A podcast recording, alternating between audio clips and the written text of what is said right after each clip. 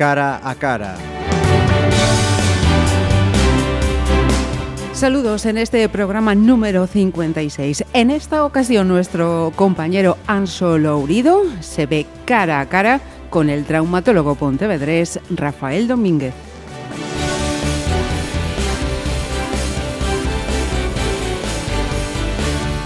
Retoma usted eh, la medicina, ¿no? Después de un año y medio aproximadamente. Eh, sí, sin... sí, después de, de, de, la venta del hospital eh, decidí pues descansar un poquito porque realmente habíamos quedado tremendamente cansados uh -huh. y, y, pero claro la medicina fue mi pasión y entonces eh, la verdad es que me, me apetecía volver a, a, hacer a estar otra vez dentro de, de la medicina y dar una calidad asistencial muy superior a la que estábamos dando antes en la que teníamos muchísimo trabajo Uh -huh. Y eso entonces, ¿cómo lo va a gestionar? ¿Cómo va a ser entonces ahora para que precisamente pueda, pueda llegar a, a, es, a esa calidad extrema que usted busca? Bueno, pues ahora eh, hago una consulta a mis pacientes solamente privados, trabajo todas las mañanas, vengo aquí al hospital, entre el hospital y el policlínico, y le dedico al paciente todo el tiempo que necesita. Eh, a veces estoy con un paciente una hora y media, le explico absolutamente todo, eh, quiero que entienda, quiero que me pregunte, quiero que sepa, eh, informarle absolutamente de, de, todos los procedimientos que se tiene que hacer, de los riesgos que pueden conllevar, entonces eso la gente que viene, pues la verdad que le sale encantada. Usted ha sido un pionero, hay que decirlo así, en el tema de artroscopias, eh, traumatología en general en relación con la rodilla. ¿no? Coménteme cómo ha ido evolucionando durante todos estos últimos años todo lo relacionado con, con los tratamientos de, de la rodilla. Eh, yo fui un enamorado de la traumatología y de la ortopedia, o sea, de la traumatología y de la cirugía ortopédica, pero mi pasión realmente fue la rodilla y realmente, como tú dices, fui un pionero. Eh, en el año 1979, pues realicé yo la primera artroscopia de rodilla que se hizo en Galicia. Eh, en ese momento éramos ocho personas en España, o nueve, que empezamos a hacer la cirugía artroscópica de Galicia. Estaba el doctor Raúl Puchadel, que era un auténtico fenómeno. Yo creo que fue el mejor artroscopista que hubo aquí en España. Estaba Tom Estevez, estaba de la Fuente, Miquel Sánchez, Cugat, bueno, y yo. Y la primera artroscopia que se hizo en Galicia, pues la realicé yo en el año 1979. ¿Y cómo fue esa experiencia? Bueno, te, te, puedo contar que nosotros, a mí ya me gustaba la rodilla porque a mi padre ya le gustaba la rodilla y el, el, diagnóstico siempre era un poquito complejo, no teníamos grandes técnicas de diagnóstico, era un diagnóstico más clínico que de otra cosa, y el ver la rodilla por dentro y ver el menisco roto eh, fue, una, eh, fue emocionante, era una cosa increíble, ¿no? O sea, eh, podías diagnosticar con exactitud cuál de los dos meniscos es el que estaba roto, dónde estaba roto, y eso eh, realmente pues evolucionó muchísimo el diagnóstico de las lesiones meniscales. Y a partir de ahí fue evolucionando. Bueno, a partir de ahí estuvimos dos años eh, que teníamos una cierta frustración, porque podíamos ver la rotura del menisco, pero claro, teníamos que seguir abriendo la rodilla, ¿no? Porque el menisco estaba roto, pero no tenías medios para poder operarlo. Y entonces fue en el año 1983 cuando las técnicas con cámaras de vídeo acopladas a un monitor de televisión y unas pinzas que tienen un nombre de especial, son pinzas de básquet, nos permitieron no solo eh, el diagnóstico exacto de las roturas meniscales o de las roturas de los ligamentos cruzados, sino nos permitió poder operar un menisco. Eso fue impresionante, porque el paciente dejó de estar siete o ocho días en los hospitales con los grandes derrames articulares que se producían y al cabo de 24 horas salían caminando. La evolución, claro, me puedes imaginar, fue brutal. Y a los deportistas, bueno, eso fue un avance para el deporte en general, pero al fútbol en particular. O sea, que supuso una revolución. Una revolución. Yo creo que en cuanto a la articulación de la rodilla, la cirugía ortoscópica la revolucionó totalmente y la sigue revolucionando, porque cada día tenemos más medios para ir aplicando. Pues en el año 83 pues, se realicé yo las primeras cirugías meniscales de Galicia. Sorprendente, ¿no? La verdad, supongo que en aquel momento tuvo que ser algo, mm, eso lo que me comentaba ahora, ¿no? Para los pacientes. Sí, sí, venían de todos los lados. Un antes y un después, ¿no? Sí, sí, es un antes y un después, venían de todos los lados, no solo los pacientes, compañeros, venían aquí a, a mi hospital a ver cómo se hacían este tipo de técnicas para poder aplicarlas eh, al principio es, todo esto era muy costoso, el material era tremendamente caro y entonces tampoco era muy sencillo el poder, el, el poder tenerlo. Pero yo siempre fui un pionero en esto, me gustaba y todo lo dedicaba para, para poder operar este tipo de rodillas. Y después en el año 1986-87 ya eh, Todo isto se aplicou la rotura del ligamento cruzado anterior. Esa lesión que en los deportistas prácticamente los alejaba del, de poder seguir haciendo la práctica del deporte, eh, primero con los prótesis de los ligamentos y después con las plastias. Bueno, eso ya fue una revolución total. Ya no solo operábamos los meniscos, que sino incluso eh, hacíamos la cirugía del ligamento cruzado. Comentaba usted que mucha gente venía aquí para aprender, para O sea, que entiendo que de alguna manera usted fue un referente y sigue siendo hoy en día un referente, porque sigue actualizándose y sigue teniendo... Seguimos actualizándonos, eso, nunca paramos de actualizar, incluso en esta época que estuve sin trabajar, seguía leyendo y seguía estudiando eh, nuevos avances dentro de la, de la cirugía, ¿no? Eh, en el ligamento cruzado anterior, cuando en las reparaciones del ligamento cruzado anterior, primero hablábamos de las prótesis de los ligamentos, pero tenían un problema. Eran prótesis artificiales y con el deporte, sobre todo con el deporte de, de competición, no aguantaban y se rompían. Pero claro, vino, siempre hay gente pionera y vino un americano, Lenny Johnson, que en esos años eh, hizo una técnica que se conoce con el nombre de HTH, que significa hueso, tendón, hueso, y, con esa técnica, bueno, la reparación de, la sustitución del ligamento cruzado anterior dejó de ser un problema. Es una técnica que sigue vigente, a pesar de los años que lleva. José o otros jugadores del Real Madrid que se iban a operar fuera, en estos últimos años se les aplicó ese tipo de técnica. apareció un poco posterior la técnica de, del endobuto, que se utilizan mediante tendones del semitendinoso y recto interno. Y se hace una plastia con esos tendones y, se hace una sustitución de la rotura del ligamento cruzado. Eh, eso ya revolucionó, eh, porque sobre todo en el, género femenino, que tienen un tendón muchísimo más pequeño y se necesita una plastia un poquito más fuerte. Eh, cualquiera de las dos técnicas es es buena y están vigentes las dos. Y posteriormente a eso, pues eh, le añadimos eh, los factores de crecimiento, las proteínas ricas en plaquetas, que una vez activada se inyectan y favorece eh, la regeneración del tejido y entonces están totalmente indicadas en las cirugías.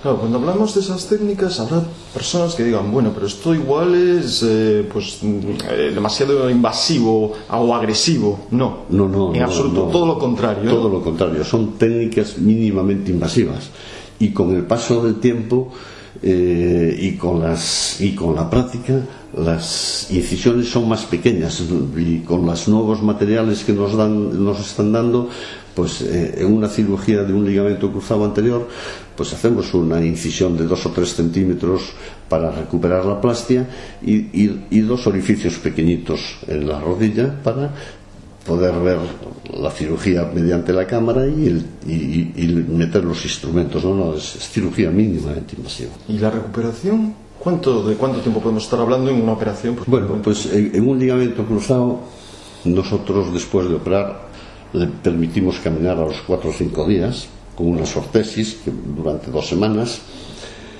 y después es eh, empezar ya la recuperación. al cabo de tres o cuatro semanas caminan ya perfectamente bien, aunque es cierto que el deporte no deben de realizarlo hasta los seis meses. Por eso, cuando vemos un jugador o un tenista o que se rompe un ligamento cruzado, hasta los seis meses no, no oímos hablar de él, está eh, eh, en la enfermería, como quien dice, ¿no? guardando reposo. Guardando reposo y, y, haciendo muchísima actividad física. Pero vamos, de, de tipo leve, entiendo. Sí, sí, sí, sí, porque la, la, recuperación de una persona que no necesita hacer un deporte de competición, eh, al cabo de, de tres o cuatro semanas, puede estar trabajando en una oficina. Puede estar haciendo una vida absolutamente una vida normal. Absolutamente normal. Es muy sorprendente, ¿no? Sí, sí. Claro, porque esto, pues eso, hace unos años era como mucho más complicado. Sí, sí, sí, esto fue evolucionando de una manera cada día mejor, las estabilizaciones de, de, de los ligamentos son muchísimo más efectivas y entonces se pueden permitir los movimientos y la carga muchísimo antes. ¿Cuántas rodillas habrán pasado por sus manos? Pues mira, eh, te puedo decir que en el 2012 dejé de contabilizar las artroscopias que realicé y en el 2012 llevaba 14.772. ¡Qué barbaridad! Sí, o sea que ya pasaría, ya pasaron de las 15.000. Y entiendo que habría casos muy complicados eh, y supongo que con resultados a veces, pues incluso sorprendentes para usted. Sí, sí, sí. Bueno, hubo casos de a lo mejor no de, de, de jugadores conocidísimos, uh -huh. pero sí sigue siendo, cualquiera sigue siendo persona. He, he visto lesiones gravísimas. Y, y, que primero hemos tenido que hacer unas técnicas y después otras, pero gracias a Dios he tenido siempre unos resultados excelentes.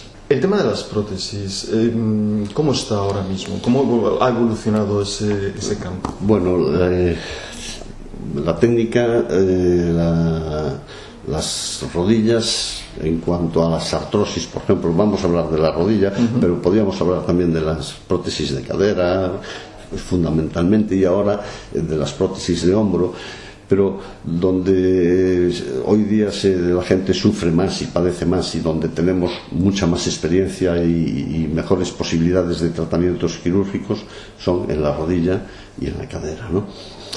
Eh, hoy día las prótesis son inmejorables. ¿no? Eh, yo siempre digo una frase, que una prótesis de rodilla es una solución buenísima a un problema que ya no tiene solución. ¿no? O sea, cuando ya hay una rodilla que no te permite caminar, que te duele en la cama, que te duele en el movimiento, hoy día se puede hacer eh, perfectamente unas prótesis de rodilla. Eh, ¿Cómo se detecta? Quiero decir, ¿cómo una persona puede darse cuenta de que de repente pues, eh, tiene necesidad de pasar por un traumatólogo? Bueno, la, eh, en las artrosis de rodilla eh, la, evolución es muy lenta. ¿no? Empiezas con unas molestias articulares eh, que se ceden como un antiinflamatorio. Esas molestias pasan un tiempo y ya el antiinflamatorio ya no te ayuda, entonces tienes que que ir al traumatólogo, al rehabilitador, al fisioterapeuta, para que esas molestias eh, vayan disminuyendo. Entonces, ahí hay unas fases, porque en las, en las artrosis de rodillas hay cuatro fases. Eh, la artrosis en el grado 1 es la más inicial, eh, es, esa es la que pasa con los antiinflamatorios. Uh -huh. Después tenemos el grado 2, que ya es un poquito más compleja que ya duele la rodilla con más frecuencia, ahí está muy indicado el tratamiento con, con el ácido hialurónico. Eh, en la fase 1 y la, en la fase 2, eh, el ácido hialurónico, que es un, un, componente que tenemos dentro de los tejidos de la rodilla y dentro del cartílago, eh, eh permite que disminuya el dolor de una forma importante. ¿no? Después ya el grado 3 o, grado 4, ya, eh, esos ya nos llevan directamente a la cirugía. O sea, la gente igual tiene miedo y en esas fases también podemos poner el ácido hialurónico en el caso de, que no quieran operarse, porque hay gente que, que, les duele mucho, pero bueno, no se deciden hacer una operación.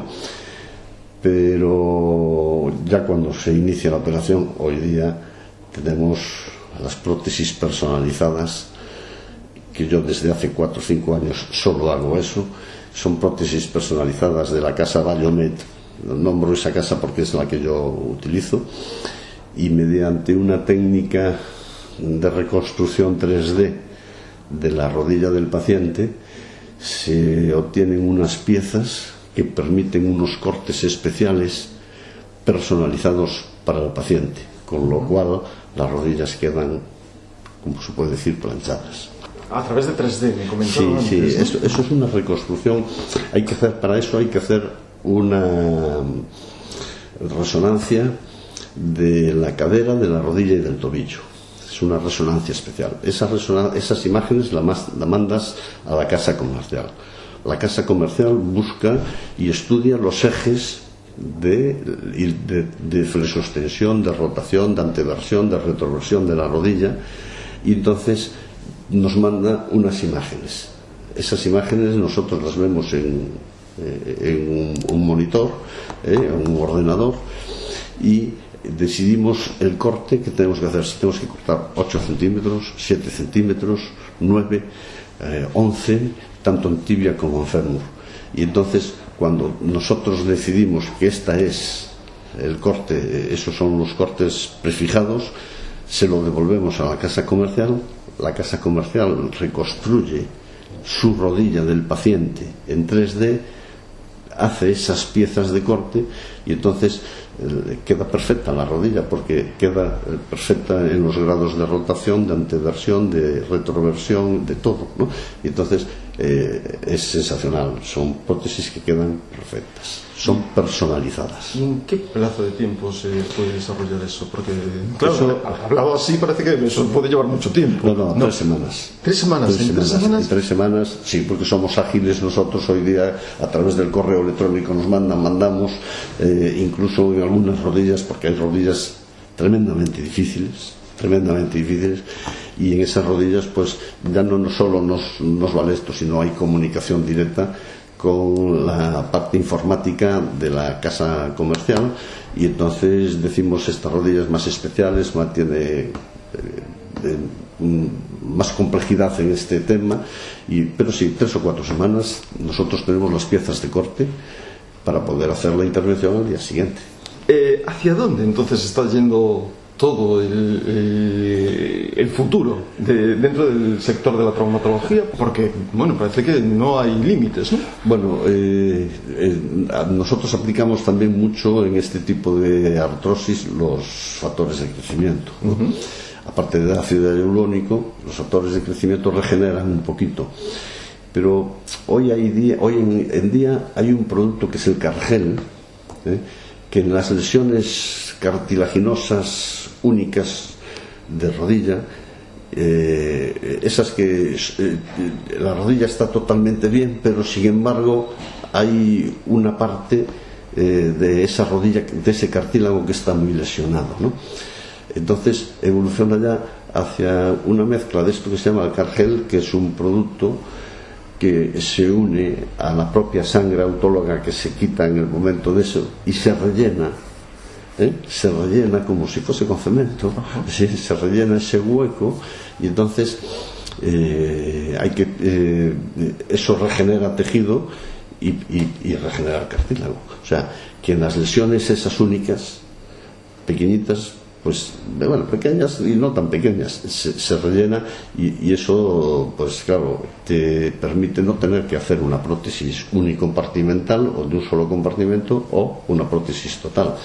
Y eso está evolucionando hacia, pues, ¿cómo te diría yo? Pues hacia, hacia eh, la parte ya más bien de estudios biológicos, ¿eh? uh -huh. y, y, y, que eso una vez que eh, se está estudiado y está mm, totalmente comprobado nos mandan el material y nosotros podemos hacer ese tipo de cirugías que esas son cirugías mínimamente invasivas por artroscopia es más difícil de, de hacerlas pero se acabará haciendo o sea se tiende a siempre cirugía mínimamente invasiva Le voy a preguntar por un consejo, supongo que básico. ¿Cómo podemos cuidar nuestras rodillas, en primer lugar? Porque, claro, entiendo que habrá personas que, por ejemplo, se ponen ahora, hoy en día, a hacer footing con una edad ya igual avanzada y igual no es recomendable, o sí es recomendable, no lo sé.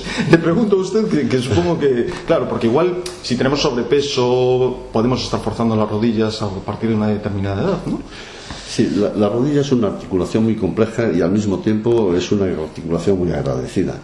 Eh, indudablemente el ejercicio físico es fundamental, pero todas las lesiones dentro del deporte se realizan, las lesiones se provocan durante el ejercicio físico. Hay que tener cuidado. El sobrepeso, como tú dices, es fundamental. Si a una persona que tiene un sobrepeso la pones a hacer un, este, un deporte fuera de, su estructura anatómica, indudablemente esas lesiones sufren. Entonces los deportes eh, tienen que ser graduales y ahí, ahí hoy día tenemos eh, técnicos, especialistas en que te dirigen y eh, nutricionistas en que te recomiendan una serie de, alimentaciones para que tú puedas hacer un deporte eh, con facilidad sin lesionarte. Eh, en tema de alimentación, entiendo que una dieta mediterránea es perfecta para. Es perfecta, sí, sí, es perfecta. Y es, yo creo que es la dieta ideal hoy día para, para, para todo este tipo de cosas. Pero hay nutricionistas que eh, en el deporte profesional. Yo, no me hablo de un deporte normal, en el deporte profesional, pues que hay que perder un poquito de peso y a lo mejor uno o dos kilos, pues eso te hace ganar una o dos décimas. ¿eh? Entonces, eh, la alimentación, el nutricionista tiene juega un papel importante. Después los, los masajistas, bueno, los técnicos especiales de, de, de recuperación, que todos los equipos lo tienen, los deportistas, los este, se ponen muy en manos de los fisioterapeutas, toda esta gente pues te, condiciona y te están tremendamente preparados para que tú eh, puedas hacer un deporte sin riesgo para, para tus rodillas. ¿Y las principales lesiones de rodillas cuáles pueden ser? Las, más comunes, las más habituales, las que puedo pues, pues detectar. la más habitual, la más habitual eh, en la gente joven es eh, la lesión de menisco, indudablemente. Eh, después en las mujeres, la condromalacia rotuliana, que es una artrosis del cartílago de la rótula. Eso es una lesión frecuentísima y que produce mucho dolor dentro de la articulación. Después dan el deporte un poco más profesional, fútbol, béisbol, eh, Ruby, el ligamento cruzado anterior, pues yo creo que es la lesión, por así decirlo, más complicada, ¿no?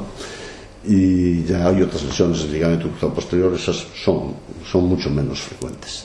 O sea que entre esas está, yo diría que el menisco en primer lugar, el ligamento cruzado y la condromalacia rotuliana.